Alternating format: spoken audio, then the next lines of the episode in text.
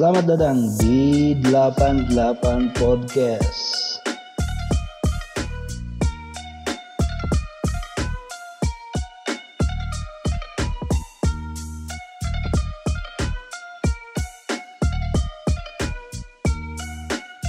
Cus ah, mari kita mulai.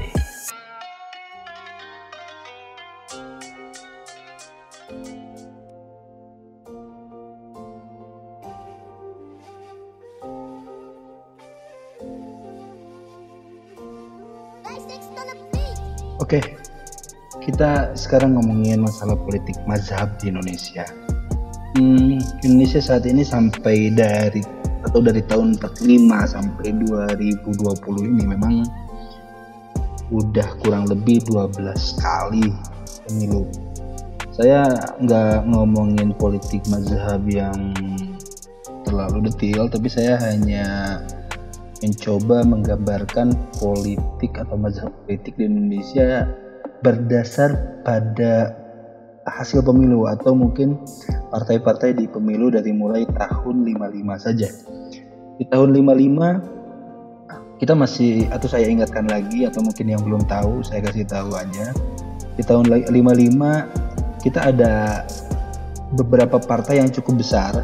Mungkin kita sempat dengar juga yang namanya PNI, lalu Masyumi, ada NU. Di sini sebetulnya ada dua partai yang berbasis agama, ada Masyumi dan NU, itu meraup kurang lebih eh, 22 ditambah 17 ya sekitar 39 sampai 40 persen ya 40 persen suara di Indonesia sisanya mungkin partai-partai yang lain termasuk mungkin PKI dan yang lain-lain eh, memperebutkan 200 257 kursi. Nah, di sini sebetulnya kita sudah bisa lihat ha, dari tahun 55 Indonesia ini udah ada 2 sampai 3 mazhab politik. Maz, tidak segmented tapi ada yang memang pro nasionalisme atau pro uh, marhen ada yang pro terhadap Indonesia ini ingin berbackground keagamaan atau background Islam. Kenapa? Mungkin salah satu partai yang betul-betul mengusung negara ini pengen menjadi negara negara berbasis pada hukum-hukum Islam, salah satunya adalah Masyumi. Tapi lambat laun memang Masyumi sendiri Eh, sedikit melemah sedikit melemah dan itu terjadi di tahun 70-an ya di tahun 70-an kita ada pemilu lagi tuh. Jadi tahun pertama tuh tahun 55 lalu ada tahun 71 77 82 nah di sini partai sudah mengerucut. Bahkan di tahun 71 itu ada satu partai baru yang ya you know lah waktu dulu kita ada Soeharto, lalu Soeharto dengan kawan-kawannya termasuk mungkin beberapa kaum nasionalis yang lainnya itu membentuk partai yang namanya golongan karya. Menggabungkan partai-partai di sana ada golongan karya. Di golongan karya ini cukup signifikan. Pada saat tahun 71 saja sudah bisa meraup kurang lebih 65,55% suara. Sisanya memang masih ada sedikit segmented di kalangan Nahdlatul Ulama. Jadi ada partai Nahdlatul Ulama pada saat itu yang justru malah dari tahun 55 sampai tahun 71 itu meningkat. Persentasinya ada 21,75 persen. Maaf, 21,79 persen dari sebelumnya 17,51 persen. Bedanya dengan tahun 55 dengan tahun 71, mungkin di tahun 71 ini partai komunis sudah mulai atau orang yang bermazhab politik ke komunis-komunisan itu sudah mulai dihabisi oleh uh, Orde Baru pada saat itu. Jadi yang tertinggal mungkin hanya partai hanya mazhab-mazhab yang betul-betul nasionalis. Di sisi lain, Masyumi yang tahun 55 cukup tajam partainya ini mulai terpecah-pecah ke beberapa partai bahkan salib oleh Nadatul Ulama jadi kalau saya melihat Nahdlatul Ulama ini lebih memang backgroundnya background santri, background kiai, tapi mereka tidak tidak terlalu menginginkan bahwa negara ini harus menjadi negara berbasis atau berpun, e, memiliki dasar hukum khusus satu agama. Karena memang Nahdlatul Ulama ini termasuk mungkin Muhammadiyah atau mungkin ormas-ormas Islam yang lainnya yang plural yang yang lebih yang lebih mengutamakan kebersamaan nggak terlalu bermasalah dengan hal itu yang penting mungkin nilai-nilai keislamannya itu yang masuk ke ke hukum di Indonesia itu. Nah di Golkar juga bukan berarti bukan orang-orang Islam tapi orang-orang Islam juga banyak di Golkar hanya memang dari tahun 71 bahkan sampai tahun 97 lihat saja sampai tahun 97 Golkar itu udah menjadi partai mayoritas. Nah, yang bergerak itu di tahun 77 jadi 71 tadi ada partai NU ya mungkin ada terlalu lama langsung langsung kelihatan banget itu ormas banget gitu nah di tahun 77 ini partai atau para pengikut partai marah Mas Yumi pada saat 55 ke belakang banyak yang tergabung ke salah satu partai e, bentuk Ka'bah. Jadi ada ada sedikit sempalan atau mungkin beberapa dari pengurus partai NU, lalu ada yang beberapa masyumi bergabung ke Partai Persatuan Pembangunan atau P3. Nah, dari mulai tahun 77 memang praktis Orde Baru pada saat itu hanya membatasi sampai tiga partai. Jadi ada Partai Golkar, ada P3, lalu ada PDI. Nah, Partai Demokrasi Indonesia ini dulu mungkin terinfluence dengan atau terpengaruhi dengan PNI ya, Partai Nasional. Tapi banyak yang menganggap bahwa PDI ini punya basis marken atau disangkut-sangkutkan dengan prinsipnya Soekarno dan yang lain-lain. Tapi memang PDI ini banyak dihuni oleh para para tokoh-tokoh yang termasuk orang-orang yang betul-betul uh, dekat dengan Soekarno atau mungkin uh, termasuk mungkin putra-putra atau putrinya ya. Jadi di PDI ini mungkin agak didiskreditkan pada saat zaman Orde Baru sehingga dari tahun 77 pada saat partai tersebut bisa masuk pemilu mereka hanya bisa mendapatkan 8% bahkan di tahun 97 ya mereka hanya bisa mendapatkan 2,75 persen jadi bayangin dari dari kalau misalnya kita ke, ke ngeback belakang itu dari kalau misalnya ada PKI ada PNI dan yang lain-lainnya atau mungkin yang Marhain yang lain-lainnya itu ada di persenan yang cukup banyak. Nah ini Orde Baru pada saat itu Soeharto bisa mempertipis ya mempertipis um, pengaruh politik kaum Marhaen sehingga termasuk para pengikut Soekarno sehingga hanya bisa mendapatkan kurang lebih 2,75% di tahun 97 mungkin itu juga lah yang yang bisa membuat tahun 97 itu cukup bergejolak lah. Tapi itu next nanti kita akan bicarakan. Nah yang menarik itu di tahun 71 sampai 97 memang tiga partai yang yang yang bisa mengikuti pemilu di Indonesia pada saat itu dengan kita tidak menganut multi partai. Jadi tahun 55 itu kita menganut multi partai, 71 mungkin masih multi partai tapi tahun 77 sampai 97 kita hanya murni tiga partai saja. Nah, apakah ini bisa menggambarkan mazhab di mazhab politik di Indonesia? Hmm, bisa jadi iya, bisa jadi tiga, tidak juga karena kalau misalnya kita lihat di Golkar juga banyak uh, yang XX Juni lalu yang yang yang backgroundnya lebih ke santri. Tapi ada juga di sana waktu Golkar di tahun 71 sampai tahun 97 itu ada karena di sana ada ABRI ya fraksi ABRI atau orang-orang yang dari eh, TNI termasuk pegawai negeri sipil juga dulu rata-rata harus masuk Golkar. Nah harus memilih Golkar. Nah hmm, jadi kayaknya kurang bisa menggambarkan bahwa Golkar ini mazhab nasionalis pada saat zaman Orde Baru. Mungkin agak sedikit terpaksa. Saya justru lebih suka lihatnya di Golkar atau misalnya di Golkar yang gemuk itu yang gemuk presentasinya itu itu ada mazhab eh, baru di politik kita itu ada mazhab TNI atau mazhab Polri atau mungkin mazhab ABRI lah ya pada saat itu. Mungkin karena belum TNI sama Polri kan belum dipisah. Jadi mazhab militer lah ya. Uh, wajar hampir di seluruh negara itu pertahanan atau orang-orang yang berkecimpung di bidang pertahanan itu mencoba untuk masuk ke ranah politik. Karena mereka memang terlatih untuk bisa uh, mempertahankan negara. Sehingga buat mereka masuk ke politik praktis itu adalah keniscayaan.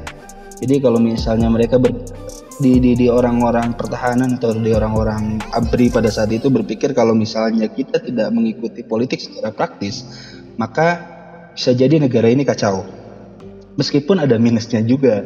Inilah yang minusnya ini yang selalu digembor-gemborkan oleh para aktivis pada saat itu aktivis mahasiswa atau mungkin aktivis-aktivis dari partai-partai yang lain itu berpikir bahwa gak mungkin lah gak bisa seorang militer yang seharusnya independen dan harusnya mengayomi seluruh masyarakat Indonesia berdiri di salah satu partai atau mungkin hanya tunduk pada salah satu mazhab kekuasaan pada saat itu ya anggaplah Golkar.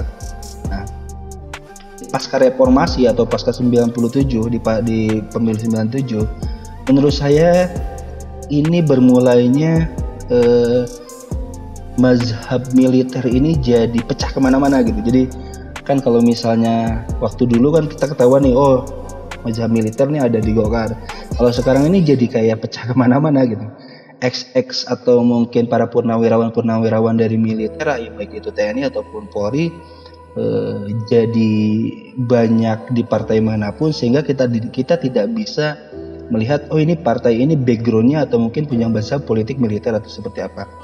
Jadi kalau misalnya secara mazhab saya pribadi lebih berpikir di Indonesia ini sebelum 97 98 itu tetap ada mazhab ya dari mulai tahun 77 ya tahun 71 itu ada mazhab militer dan mazhab nasionalis nasionalis sipil ya maksudnya. Ada yang memang uh, Islam atau P3 ada yang marhen yaitu PDI ini ada empat mazhab di Indonesia. Uh, mungkin ada yang bilang bahwa tetap ada mazhab komunis tapi saya tidak begitu yakin karena zaman Orde Baru itu uh, dibabat habis uh, bahkan sampai tentang komunisme dan yang lain-lain sampai dibakar dan yang lain-lain. Jadi kita kesampingkan dulu dan mazhab komunis supaya tidak terlalu ini. Um, Nah, pasca 97, 98 pas reformasi lah, saya nggak ngomongin dulu reformasi, nanti nextnya kita mungkin akan ngomongin reformasi. Ini tadi yang militer tadi ini pecah. Lalu yang agama pun maaf yang berbasis Islam pun dari P3 ini pecah juga karena dari pada tahun 99 mulai multi partai lagi, tahun 2004 multi partai lagi, 2009 multi partai lagi, bahkan 2014 pun sama multi partai lagi. Jadi kalau misalnya saya lihat di tahun 9, 2099 saja kita ada 48 partai. 20 lalu 2004 ada 24 partai. 2009 ada 38 partai nasional ya, meskipun ada 6 partai lokal di Aceh. Lalu ada 2014 ada 12 partai, 3 partai lokal di Aceh. 2019 16 sampai 4 uh, ditambah empat partai lokal di Aceh. Bayangin dari tadinya kita bisa menggolongin hanya empat mazhab politik Indonesia pasca 98 atau setelah reformasi itu jadi kita jadi kayak bias ini sebetulnya mana partai mana yang memiliki mazhab keagamaan lalu partai mana yang betul-betul nasionalis mana yang memang backgroundnya lebih militeristik atau mempunyai tokoh-tokoh militer lalu mana yang backgroundnya betul-betul marhaen mungkin PDI satu-satunya partai yang cukup konsisten. Jadi kalau misalnya kita lihat partai PDI atau Partai Demokrasi Indonesia Perjuangan karena saat tahun 98 99 itu ter eh, maaf 98 itu terpecah PDI cukup konsisten karena memang PDI ini punya sosok seperti Megawati yang putri lang kandung langsung dari Soekarno. Jadi para pengikut Soekarno termasuk mungkin para orang atau mungkin tokoh-tokoh yang bermazhab nasionalis dan tidak tidak ya mulai pengen keluar dari beberapa partai yang sebelumnya seperti Golkar atau mungkin partai yang lainnya itu sudah mulai merapat ke Partai Demokrasi Indonesia. Jadi setelah mungkin hampir 32 tahun eh, partai ini dikang, dikekang, akhirnya partai ini jadi partai yang tersakiti dan seperti biasa masyarakat Indonesia itu kalau misalnya yang tersakiti biasanya cukup eh, simpati. Jadi partai ini mengundang simpati dari tahun 99 bahkan sampai 2019 kemarin itu cukup meraih simpati masyarakat dengan jargon partai ciliknya. Uh, ya bisa memenangkan uh, mayoritas suara partai, suara masyarakat di Indonesia. Jadi Golkar mungkin sampai saat ini masih dihuni juga oleh ex-ex atau purnawirawan, termasuk ex-ex aktivis-aktivis mahasiswaan atau mungkin ex eh, pegawai negeri sipil. Jadi Golkar ini tetap mungkin mempunyai mazhab politik atau mungkin orang-orang politik di sana yang lebih birokratis. Jadi misalnya kita lihat di kaderis sistem kaderisasinya pun sangat birokratis sekali jadi kalau anda nggak bisa nggak bisa tiba-tiba menjadi ketua partai kalau misalnya belum jadi kader apa bahkan sayap-sayap partainya pun banyak banget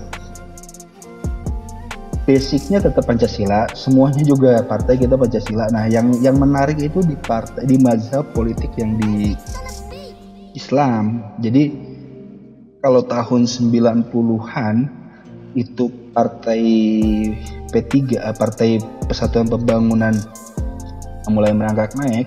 Bahkan di 99 pun P3 itu cukup lumayan cukup signifikan ada di angka 12 persen. Pun dari tahun 97 nya pun sebenarnya udah bagus 20-20 persen. Jadi kalau di tahun 99 ini eh, di P3 itu mungkin pecah banget nih ya. Jadi pecah banget. Ada yang ke Partai Keadilan pada saat itu, ada yang mungkin ke Partai Nadatul Ulama atau PKB. Juga di sana waktu itu ada PKB juga, sudah mulai muncul tuh yang namanya Partai Kebangkitan Bangsa, eh, Kiai Haji Abdurrahman Wahid, Gus Dur. Itu di sana jadi sosok sentralnya. Lalu ada partai-partai yang lain termasuk mungkin dari Golkar atau P3 pun ada yang masuk juga tuh ke Partai Amanat Nasional yang pada saat itu booming dengan Amin Rais ya dan uh, semuanya jadi kayak nggak jelas gitu. Nah, yang cukup menarik itu ada di golongan uh, atau di di di, di mazhab ya partai-partai yang mungkin berasas Pancasila dan Islam. Jadi contoh misalnya ada Partai Keadilan sejahtera ya kalau misalnya sekarang kita lebih disebut PKS kalau dulu per PK lalu ada PKB dan yang lain-lain nah ini eh, kadang-kadang kita agak bingung sekarang agak bias jadi kalau misalnya PBB dulu selalu bilang bahwa PBB itu ex Masyumi. Tapi Masyumi dulu kita dapat 5 dapat 22 17 persen tapi ternyata sekarang PBB tidak masuk elektoral threshold sama sekali. Jadi kayaknya enggak juga gitu. Lalu partai keadilan nih apakah partai keadilan ex Masyumi juga? Bisa jadi karena memang kalau misalnya kita lihat tokoh-tokoh dari partai keadilan atau PKS ini kebanyakan itu putra putra atau ex putra. Ada beberapa tokoh yang memang putra eh, tokoh Masyumi pada saat dulu. Cukup signifikan Partai Keadilan Sejahtera ini dengan jargon eh, apa namanya tuh sebagai partai yang cukup bersih, lalu partai yang betul-betul eh, bahkan di bawahnya itu di grassrootsnya itu tetap ingin berlandaskan syariah atau hukum Islam di Indonesia. Jadi dianggap konsisten memperjuangkan keinginan Indonesia ini menjadi negara uh, yang berbasis hukum Islam. Meskipun sebetulnya menurut saya ini agak atau mungkin tidak pas ya di Indonesia. Hanya itulah cara jualan cara jualan partai supaya partai tersebut di, bisa dipilih lah. Kalau misalnya saya lihat ya itu bagian dari komunikasi politik termasuk aja. Kayak yang kayak model Golkar kan kita agak bingung nih. Dia jualan apa? Kayak model gua kayak model Gerindra uh, ada partai yang kayak model ex Golkar ya kayak Golkar itu saya selalu bilang bahwa kayak model Nasdem, Golkar, Hanura dan kawan-kawannya itu kayak aja jadi ex Golkar ya. Mereka mazhabnya sama orang-orangnya itu lu lagi lu lagi. Jadi kita agak bias juga ini mazhabnya ke mana. Jadi campuran antara orang militer orang e, birokrat lalu orang-orang yang betul-betul maaf maaf saya selalu bilang yang itu ya berada itu masuk dari Golkar. Meskipun memang secara grassrootsnya itu cukup rumputnya cukup kuat. Jadi kalau misalnya kita lihat Golkar dari mulai atas sampai ke desa sampai ke RT RW itu akar sistem kaderisasi termasuk simpul politiknya cukup kuat hampir sama dengan Partai Demokrasi Indonesia. Ya mungkin wajar ya Golkar dan PDI itu partai yang dari dulu uh, tahu asam garamnya politik di Indonesia. Jadi stabil ya. Ya yang jadi kasihan itu kayak model P3 P3 ini kemarin tahun 2019 itu terus nih oleh partai-partai Islam yang lainnya. Jadi kalau misalnya saya lihat justru yang sekarang muncul itu di PKB. Jadi NU Nahdlatul Ulama yang tahun 55 pada saat itu sudah menjadi partai ketiga terbesar Indonesia ini mulai mengeluarkan taringnya lagi. Jadi eh, kalau misalnya ormas yang lain seperti Muhammadiyah yang dulu mungkin kita tahun 99 atau 98 97 itu banyak yang mengkategorikan orang-orang Muhammadiyah itu masuk ke Partai Amanat Nasional. Nah sekarang nggak juga orang-orang Muhammadiyah banyak yang ada di Golkar, banyak ada yang di, jadi nggak terlalu tidak terlalu bisa mencerminkan itu tidak terlalu bisa mencerminkan bahwa orang-orang Muhammadiyah itu masuk ke sana. Masuk PBB juga ada yang bilang bahwa PBB itu dulunya versi satu seperti apa partai atau ada partai umat Islam juga atau PUI.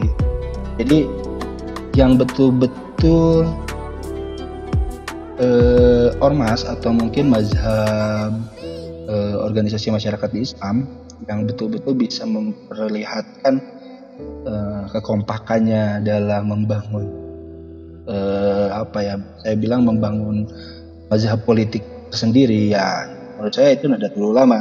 Saya saya saya cukup objektif dalam hal itu. Jadi kalau misalnya kita lihat tahun 2019 kemarin di pemilu terakhir partai-partai termasuk Demokrat ya. Demokrat yang menurut saya juga tetap sama X. Ya X Golkar lagi lah. Jadi eh, saya bisa menyimpulkan sekarang sudah mulai mengerucut. Nah mengerucutnya itu ada yang pertama itu partai ke nasionalis nasionalis itu Golkar ada PDI dan yang lain-lain. Ada yang partai nasionalis Islam ya seperti misalnya KB eh, PKS atau mungkin maaf PKB lah termasuk yang lain. Ada yang memang sebetulnya partai yang eh, basicnya memang dia pengen ingin menunjukkan bahwa eh, negara Indonesia itu adalah negara yang berbasis pada hukum Islam itu PKS nah eh, yang yang yang yang masih bisa menahan gejolak dari PKS ini terus mendapatkan antusias dari masyarakat yaitu adanya partai Nahdlatul ulama atau PKB lah bisa saya bilang. Jadi tiga mazhab ini menurut saya sekarang cukup signifikan di Indonesia dalam dalam membuat uh, ya kultur politik di Indonesia yang menurut saya kurang sehat ya. Kurang sehat. Karena andaikan saja saya tetap berharap bahwa tetap ada penengah seperti partai yang ada partai PKB yang bisa uh, mendamaikan antara partai nasionalis atau partai-partai yang betul-betul dulunya ex Golkar, ada PDI dan yang lain-lain dengan uh, partai seperti PKS, PBB dan yang lain-lain. Jadi itu karena uh, kalau dulu mungkin ada yang bisa mendamaikan karena ada mazhab yang militer. Kalau sekarang saya nggak tahu nih mazhab militer kan behind the scene semua, jadi tidak kelihatan. Jadi tetap ada pergeseran dari tahun 55 eh, lalu ada tahun 70 sampai 90-an yang kita ada dulu ada empat mazhab. Tadi saya bilang ada militer ada nasionalis murni ada marhain dan ada yang Islam. Lalu sekarang kita bergeser ke tiga. Nah problemnya nah ini masalahnya. Andai kata nanti tahun 2024 ini terjadi lagi pergolakan politik dan partai yang penengah atau tidak ada mazhab penengah seperti militer ataupun uh, mazhab seperti Nadatul Ulama yang memang um, termasuk Muhammadiyah ormas-ormas Islam yang lainnya yang memang bisa melerai antara dua mazhab ini uh, saya takutkan ada ada konflik yang cukup tajam yang memang sudah mulai ada pemanasan lah di tahun di kemarin waktu di tahun 2018 lalu 2019 seperti yang kita tahu lah ada kejadian di Jakarta ada kejadian di Indonesia.